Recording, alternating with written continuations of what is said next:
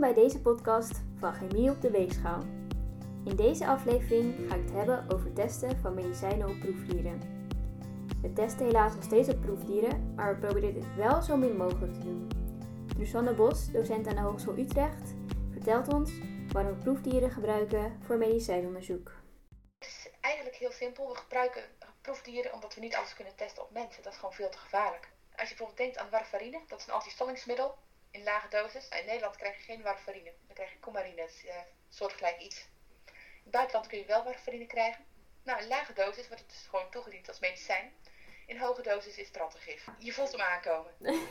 je kunt maar beter eventjes van tevoren testen van wat de veilige doses zijn, waaraan in ieder geval de rat niet doodgaat. Nee.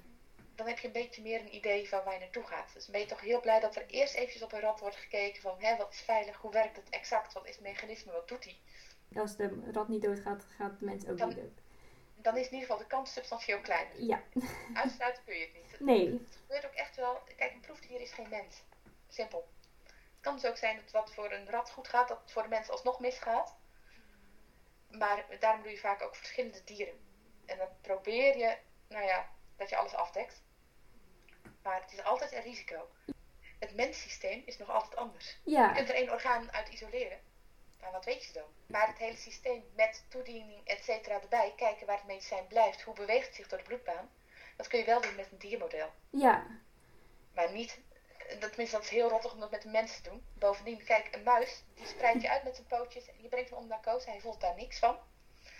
En bijvoorbeeld een muis met een tumor heb ik het dan over, hè. Eh, je hebt ehm, de antistoffen die naar die tumor moeten, heb je fluorescent gelabeld. Ja. Leg die muis onder de microscoop en je kunt dat gewoon met de microscoop volgen, real-time.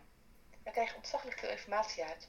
Dat kun je met een mens niet doen. Dubieus, inderdaad. Nou ja, het past ook niet onder je microscoop. ja, Nee. dat is de andere kant. Maar ook heel dubieus. Maar ik denk wel dat als mensen de plicht hebben om zo goed mogelijk voor het dier ook te zorgen. Ja. Geen onnodige dierproeven te doen. Alleen waar het echt niet anders kan. Ja. Dat denk ik zeker wel. Ehm, beter dat een muis doodgaat dan dat een mens sterft. En hoeveel muizen er niet in een muizenval gaan. Dan denk ik van, hè, dan heb ik er, En- hoe schattig ik een muisje ook vind, weinig problemen mee. ehm, als daarmee veel mensenlevens gered kunnen worden. Ja. Maar daar zeg ik er wel heel duidelijk bij, alleen als het echt niet anders kan. Nee. Want ook een dier is belangrijk. Proefdieren worden dus gebruikt in de preklinische fase van medicijnonderzoek. Hierin beoordelen wetenschappers hoe een potentieel geneesmiddel door het lichaam wordt verwerkt. Proeven op dieren voor cosmetica en dergelijke zijn gelukkig al een paar jaar afgeschaft en verboden. Ik praat in deze aflevering met de organisatie Proefdiervrij. Ze leggen zelf even uit wat ze doen. Mijn naam is Saskia Aan en ik ben de adviseur wetenschap en innovatie bij Stichting Proefdiervrij. Ehm, ik werk hier nu bij iets meer dan vier jaar. Eh, ik heb een achtergrond in biomedische wetenschappen, dus ik heb, echt, ik heb ook een wetenschappelijke achtergrond. Bij Proefdiervrij, wij zijn een stichting ehm, die proefdiervrij onderzoek stimuleert. En dat doen we met name door het financieren van wetenschappelijk onderzoek. Aan de ene kant hebben wij een, een fondsenwerven en een communicatieafdeling die ervoor zorgt dat er geld binnenkomt. En aan de andere kant heb je mij die zorgt dat er geld uitgaat. Dus onderdeel van mijn taak is onder andere het, het selecteren van de wetenschappelijke projecten die we financieren. Ehm nou, daar zit een hele proces natuurlijk aan vast hoe dat allemaal geregeld moet worden. En daarna wil je dan ook in contact blijven met die wetenschappers en wil je natuurlijk een beetje in de gaten houden hoe het gaat. Ehm, dus aan de ene kant heel, heel, heel wet- wetenschappelijk ben ik bezig. Ehm, de relaties van proefdiervrij onderhouden met de wetenschap. Maar ik richt me bijvoorbeeld ook op de politiek. Ja. Want in de politiek wil je natuurlijk ook iets gedaan krijgen. Dus ik praat ook wel eens met politici. In de wet van de dierproeven staan strenge regels over het gebruik van proefdieren. Er worden beslissingen genomen aan de hand van de drie V's. De drie V's staan voor vervanging, vermindering en verfijning van dierproeven. Wordt gebruik gemaakt van het nee, tenzij principe. Er moet een ethische afweging gemaakt worden of het belang en de haalbaarheid van het project opwegen tegen het gebruik van de dierproeven en de mate van ongerief van proefdieren. Aldus het ethisch toetsingkader voor proefdiergebruik.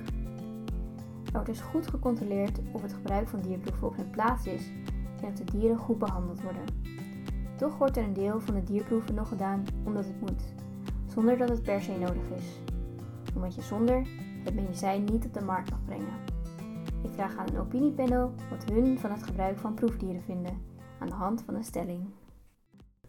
Die proeven moeten worden gebruikt om medicijnen voor mensen veilig te maken. Dus eigenlijk dat een dierenleven minder waard is dan een mensenleven, of niet? Ja. Dat is... Ja, lastig. Nou, weet niet wat ik daarvan vind. Maar je mag het bijna niet meer vinden. Nee. dat is het. Je, als je eh, zegt van nou ja, ik vind het eigenlijk wel oké. want als, eh, als ze twee apies of een paar ratten gebruiken, dan eh, overleven een paar duizend mensen het.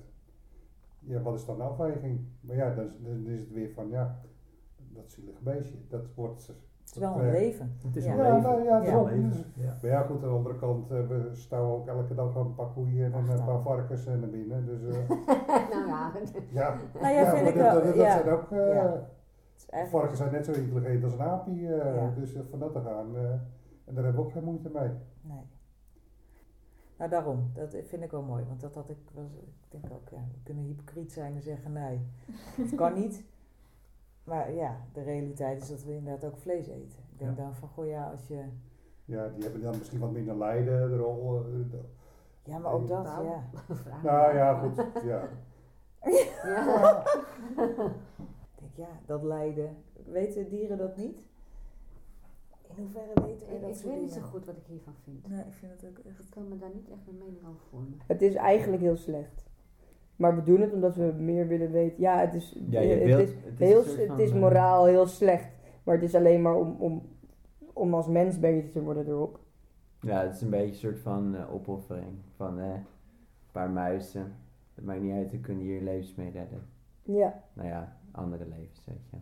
Dat is inderdaad wat Thijs zei, het is erger. Op- Dat, dat is ook de afweging die er is gemaakt. Van het is erger als een mens doodgaat dan dat een dier doodgaat. Ja, Dat is ook gewoon, daarom is het ook van ja, je kan niet als bedrijf gewoon eigenlijk gewoon random mensen verm- vermoorden voor een medicijn. Dat kan Nee. gewoon niet. Maar Naast dat er waarschijnlijk een soort van publieke outrage dan zou zijn. Omdat Ja. iemand overleden is daaraan. zo van, terwijl je het ook gewoon eerst kon testen op een ander dier. Het maakt niet eens uit wat het was, zeg maar. Maar stel de muis is geen muis, maar is een kat, is een hond, is een aap. Hoe kijken jullie er dan naar? Een, een hond of een aap, Of een kat? nou, dan is het gewoon weer hetzelfde verhaal van, ja, sorry, een mens is gewoon meer waard dan een aap. Van, het, het is erg als de aap doodgaat, maar het is erger als een mens doodgaat. Dus dan ga je het dus nog maar testen op een aap. Of wie dan ook, of welk dier dan ook eigenlijk, beter gezegd. En waarom is het erger dat een mens doodgaat dan een aap? nou, dat, tja, dat is gewoon meer een moreel ding, denk ik. Maar ja, een mens die kan, je bent zelf een mens. Je, je, je, je denkt als een mens, je hebt gevoelens eh, als een mens. Het is, eh, ja, hoe, dat is meer een filosofische vraag, zou ik zeggen. Maar Een mens heeft vrienden, een mens heeft familie. ja, ik zou zeggen, een, een mens is vrijwel het belangrijkste wat je kan vinden. Ja, gewoon ooit. Dat vinden mensen vooral. Ja, Ja. natuurlijk vinden mensen dat, ja. Ik denk, om het af te sluiten, de vraag... Als er een alternatief was dat 100% zou werken en vertrouwelijk zou zijn. Ja. Ja, En anders, dan moet het maar. Dat is gewoon letterlijk bij het gebrek aan beter. ja. Ja, maar dat is ook zo. Zoals je hoort, niemand is voor dierproeven. Maar we denken wel dat er een noodzaak voor is om de veiligheid van medicijnen te kunnen waarborgen. Proefdiervrij hoopt dit te kunnen veranderen. De slogan op dit moment is: We zijn verder dan je denkt. Als je je erin verdiept, kom je erachter dat dierproeven helemaal niet zo vanzelfsprekend meer zijn. Bij Proefdiervrij hoorde ik voor het eerst over geweldige nieuwe proefdiervervangende technologieën die nu in ontwikkeling zijn.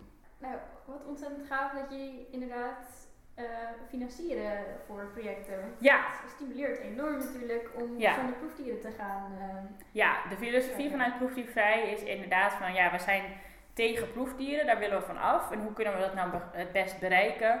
Door met een andere oplossing te komen. Ja. Ehm, dat is in onze ogen de beste manier om, om een om verandering teweeg te brengen en ook te zorgen dat het een houdbare verandering, een langetermijn oplossing is. Ja. Ehm, en aangezien wij zelf niet allemaal onderzoekers zijn, wat kunnen we dan doen? We kunnen geld geven aan mensen die wel dit soort onderzoek doen Ja. en ze zo proberen te ondersteunen.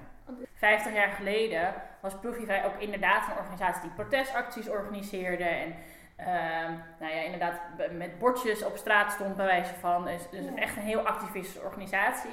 En eigenlijk een jaar of twintig geleden, ehm er is ook een fusie geweest, toen hebben we, is er op een gegeven moment het besef gekomen van hé, hey, als we nou echt iets willen bereiken, moeten we niet alleen maar het probleem aanwijzen. En dat is wat je eigenlijk met, Nee. met protest natuurlijk doet, maar ook de oplossing. Ja. En we hebben, gaan we ons eigenlijk richten op de oplossing. Dus sinds tien jaar financieren we ook echt heel actief onderzoek. Dus dat is eigenlijk het grootste wat we doen. En de laatste 10, 15 jaar doen we ook geen protestacties meer. Nee. Dus we zijn wel heel erg veranderd. Dus het is helemaal niet gek dat je denkt dat proefdiervrij een activistische beweging is. Zelf zien we ons nu niet meer zo. Nee. En, en nou ja, willen we ook niet gezien worden meer. Nee, dat snap ik. Dit is toch een positiever beeld inderdaad dan... ehm, Ja, het idee is inderdaad dat je hè, met, het met, met honing vang je meer, eh, meer vliegen dan met azijn. Dus we Ja. proberen mensen positief te stimuleren. Ja. En ergens voor zijn is altijd leuker dan ergens tegen zijn.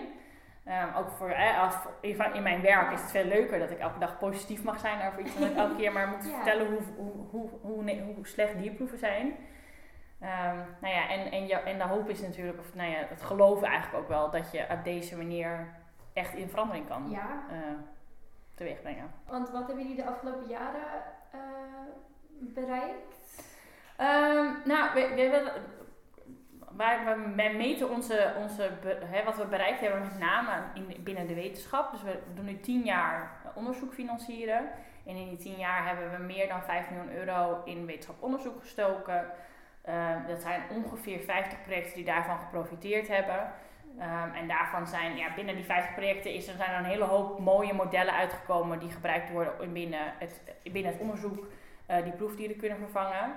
Ehm, dus het is altijd een, ja, het is, het is, het is een, een langzamer pad, want wetenschap duurt wat langer. Dus hè, als je begint met financieren, dan duurt het vier jaar voordat zo'n project afgelopen is. En dan is er nog een heel traject Ja. daarna. Dus het is niet altijd dat je heel snel resultaten ziet.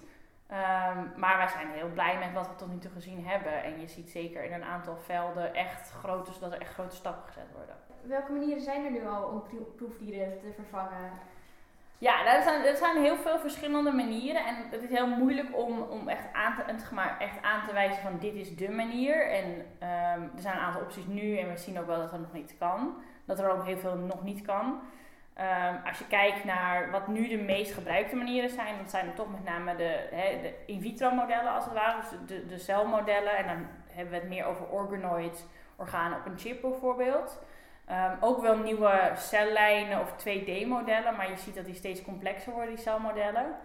Ehm, en daar, nou ja, daar, daar, daar, zeker in organoids en organen op chip is een hele grote toename geweest de afgelopen paar jaar in, in de soorten modellen en wat er allemaal mee kan. En er wordt steeds meer aan toegevoegd, ze worden steeds complexer. Ehm, dus dat zijn twee heel veelbelovende technieken. En daarnaast zie je ook naast de in vitro modellen zie je ook echt wel een toename in, in het in silico. Dus eh, wat kunnen we met de computer? Ja. Ehm, en dan hebben we wiskundige rekenmodellen die dingen kunnen voorspellen, maar ook ehm, we, zitten bij, we zijn ook bij een project betrokken wat er gaat over het virtuele mens. En dat is echt, dat is echt bedoeld voor veiligheidsbeoordeling. Dus kan je op basis van bestaande data en met rekenmodellen en nou, het is heel ingewikkeld. Het is ook iets ingewikkelder dan dat ik het allemaal eh, kan begrijpen. Kunnen we inderdaad een soort van virtueel mens maken die je een stof geeft en dat dan uiteindelijk uitkomt wat dan, of het veilig is ja of nee. Dat is heel simpel gezegd, heel heel simpel gezegd wat ze ermee willen bereiken. Ehm, maar je ziet dus ook dat, je, dat, dat, dat, dit, dat soort ideeën als computermodellen ook steeds meer Ja. ehm, nou ja, eh, winst, eh, aan winst aan terrein winnen. Bob van der Water, hoogleraar medicijn veiligheidswetenschappen aan de Universiteit Leiden, kan ons meer vertellen over deze nieuwe technieken. Kijk, de huidige methoden geven goede veiligheid, maar bijwerkingen die we bij de mens zien, hè, dus uh, er is eens onderzoek gedaan naar, door gewoon te vergelijken, oké, de bijwerkingen die we bij de mens zien, zien we die nou ook in het proefdier? En dan blijkt eigenlijk dat uh, eh, 30% van de bijwerkingen die je bij de mens ziet, en dat zijn niet per se ernstige bijwerkingen, vaak zijn het ook uh, uh, bijwerkingen die meer met, met de psyche te maken hebben, dan, want ja, die zie je niet terug bij het proefdier natuurlijk, Nee. mis je. Maar ongeveer 30% van de bijwerkingen die je bij de mens ziet, die zie je niet in het proefdier. Nee. Dus we ook dingen. Dat is vaak het probleem. ehm, dat je dingen mist in een proefdier. ehm, die voor de mens wel van belang zijn. En, en daarom wil je eigenlijk ook betere in vitro testen hebben. Die beter voorspellend zijn voor wat er bij de mens gebeurt. En de normale gang van zaken is eigenlijk dat in de industrie, de farmaceutische industrie, zijn ze gebonden aan eh, verplichte testen die ze moeten doen. Dat zijn bijvoorbeeld proefdiertesten in, in, in, in, in verschillende eh proefdierspecies, rat, muis, konijn. En die moeten aan bepaalde eisen voldoen. En dat zijn gewoon standaardtesten. En dan, dan kijken ze of er pathologie is in weefsel. Nou, dat zijn dingen die dus, wij dus niet doen. Wij proberen eigenlijk eh, gebruik te maken van eh, eh, humane, dus menselijke cellen.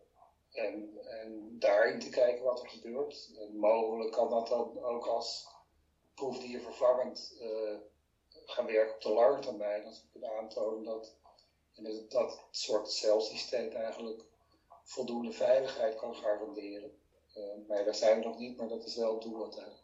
Hoe werkt dat precies op humane cellen testen? Er zijn verschillende mogelijkheden. Je hebt natuurlijk allerlei cellijnen. Cellijnen zijn afkomstig van, eh, van tumoren vaak. Van, van, eh, en die zijn al heel lang in, in, in gebruik. Al tientallen jaren. Eh, en zo zijn er bijvoorbeeld voor de lever zijn er ehm, tumorcellijnen die nog wel een beetje lijken op een levercel. Ehm, en die zijn, worden vaak gebruikt als een initiële test, ook, door pharma, maar niet omdat dat verplicht is, maar meer om te testen van, goh, zijn die stoffen, eh, leiden die nou tot toxiciteit in de cellijn?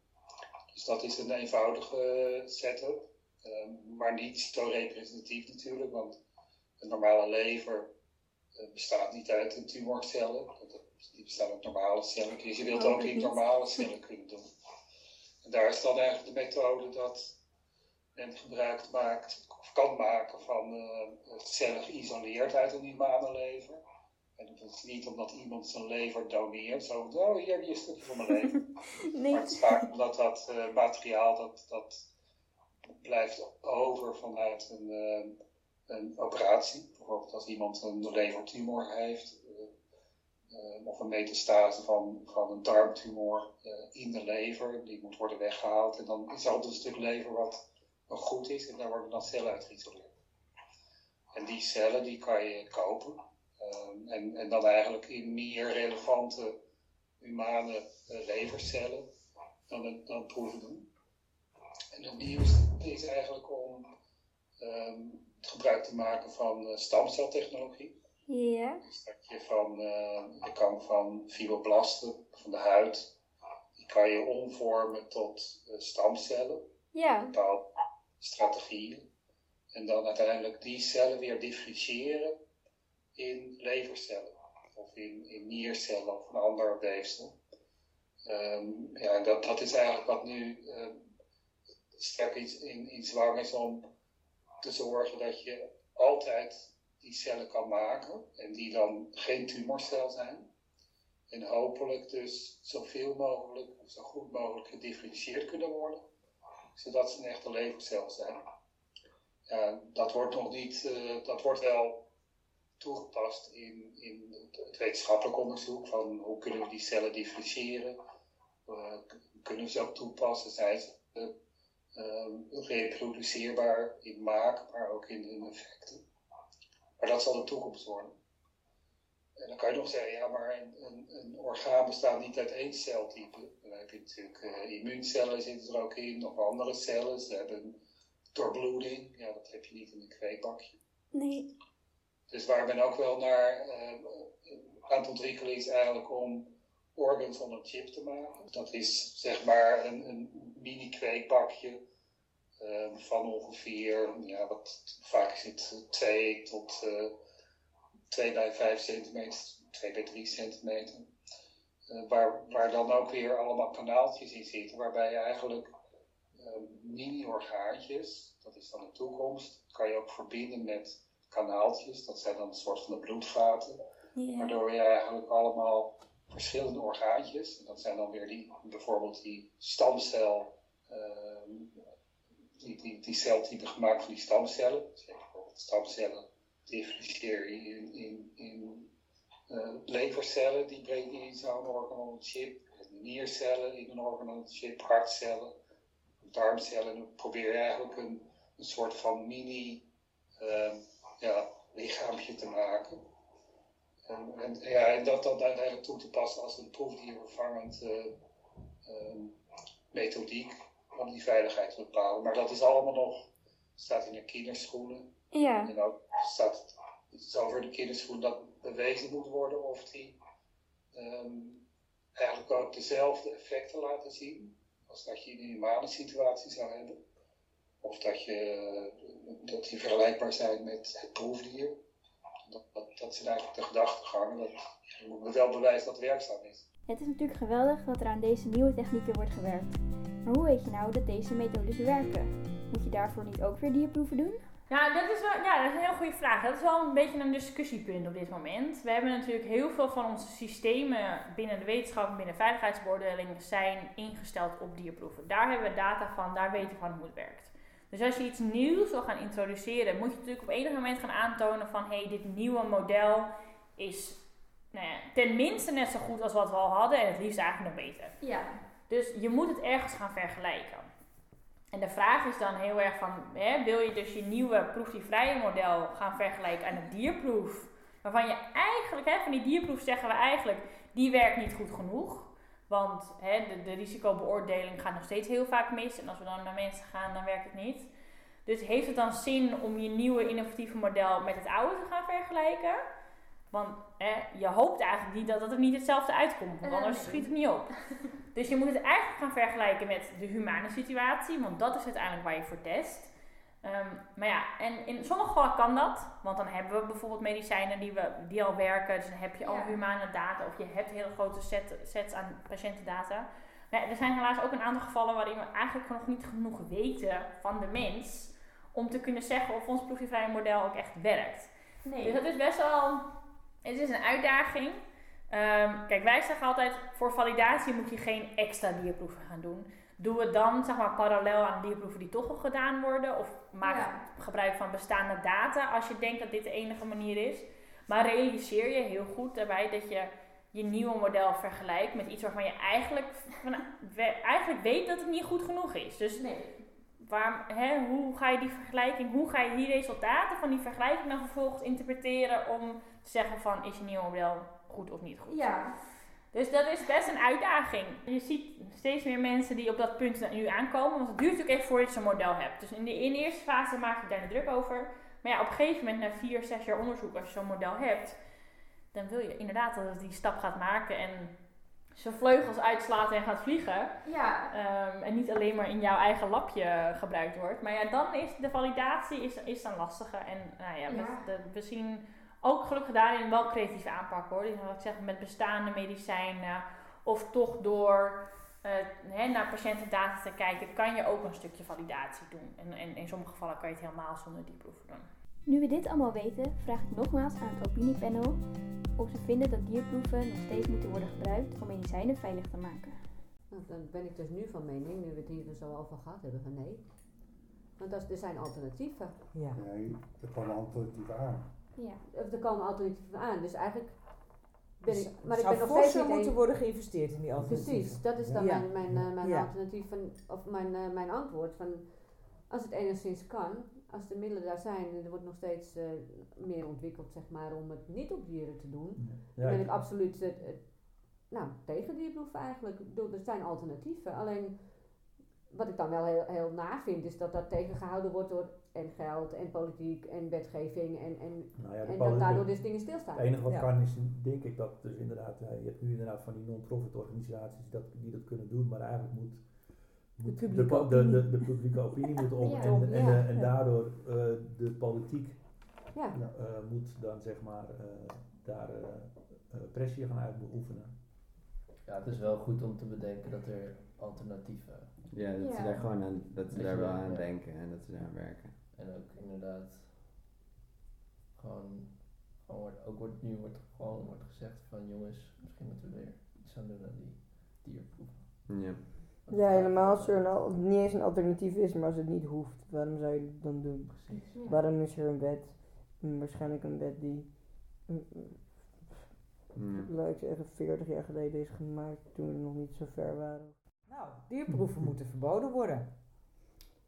Hm. Nou ja, Ja, waar we het al wel. over gehad hebben, vind ik eigenlijk van wel. Wil je de winter onder krijgen, denk ik dat het nodig is, ja. Ja. En, en, en ook, eh, Dan moeten ze wel. Ik wou het zeggen, dat is wel een mooi stok achter de deur. eh, je, ja. Ja. ja, Ja, dat- in die zin, er is natuurlijk er is voldoende kennis en eh, middelen zijn er om, om, om eh, dingen op, op, op touw te zetten, mits er maar eh, geld vrijgemaakt worden van ook, Ja. weet je wel, dan moet dat, zou dat gewoon moeten kunnen. Maar ik Oh. denk, ik denk dat dat ook moet, moet gaan gebeuren. Want je, eh, het, het speelt nu heel erg. Ik bedoel, eh, hoeveel vegetariërs hebben er in de afgelopen tijd niet bijgekregen?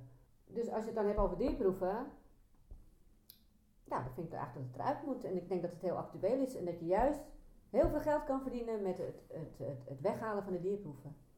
Maar wat zouden jullie meer vertrouwen? Een proef op een muis of een proef op een chip? Of zoiets dergelijks? Ja, dat heeft weer heel erg te maken, denk ik, ook met de publieke op- opinie. En in Ja. hoeverre dat een soort van eh, nou, hè, bekend is, of als, dat, je, ja, dat daar informatie over beschikbaar is. Als dat, dat, als dat bewezen is, dan wel. Ja, precies. Yeah. En algemeen geaccepteerd is denk ik ook wel, eh, ja. Dat is inderdaad een hele goeie. Ja, maar, Ja. ja, als het door een overheid inderdaad gewoon wordt gezegd van, ja jongens, trouwens, we doen nu even niet meer eh, dierproeven meer, maar we doen het op een of andere computer, dan denk ik ook wel van, Ik wil daar eerst heel veel propaganda over hebben. ja. Van, Laat de buurman het eerst maar even doen. ik denk op een gegeven moment dat als ze weten dat zo'n eh, chip dat het werkt, kijk, de uitkomst is natuurlijk veel zuiverder, denk ik, dan eh, met zo'n chip. Maar dat is echt Ja, recht toe recht aan en dat, dat, dat kan, niet, kan, kan niet links of rechtsaf. En wat bij een muis wel natuurlijk kan, dus het kan net een beetje een andere muis zijn. wat bij mensen ook Net kan. een ander Ja. DNA-profieltje kunnen Ja. hebben waar Ja. we. Ja. Dat is dan wel weer interessant. Want je hebt uiteindelijk natuurlijk een selectie. Ja, Dus je komt uiteindelijk, tenminste, dat, dat denk ik, dat vraag me af of we daar uiteindelijk Uitkomen. uitkomen. Ik denk dat het uiteindelijk zo zal zijn dat de techniek zo ver ko- komen dat op een gegeven moment zoveel eh, eh, rekenmodellen bestaan dat je dus gewoon in principe geen, geen eh, proeven meer te doen, hoeft te doen op weefsel of dat soort dingen. Zo kunnen we hier nog lang over door filosoferen. En ik denk dat we dit ook moeten doen. Verander die publieke opinie. Deel je kennis en ideeën en wie weet heb jij het volgende idee. Deze podcast is gemaakt met medewerking van Saskia Aan van Proefdiervrij, Drusanne Bos, Bob van de Water en natuurlijk mijn fantastische panel. Dank aan allen. En oh ja, volg ook mijn Instagram pagina Chemie op de Weegschaal.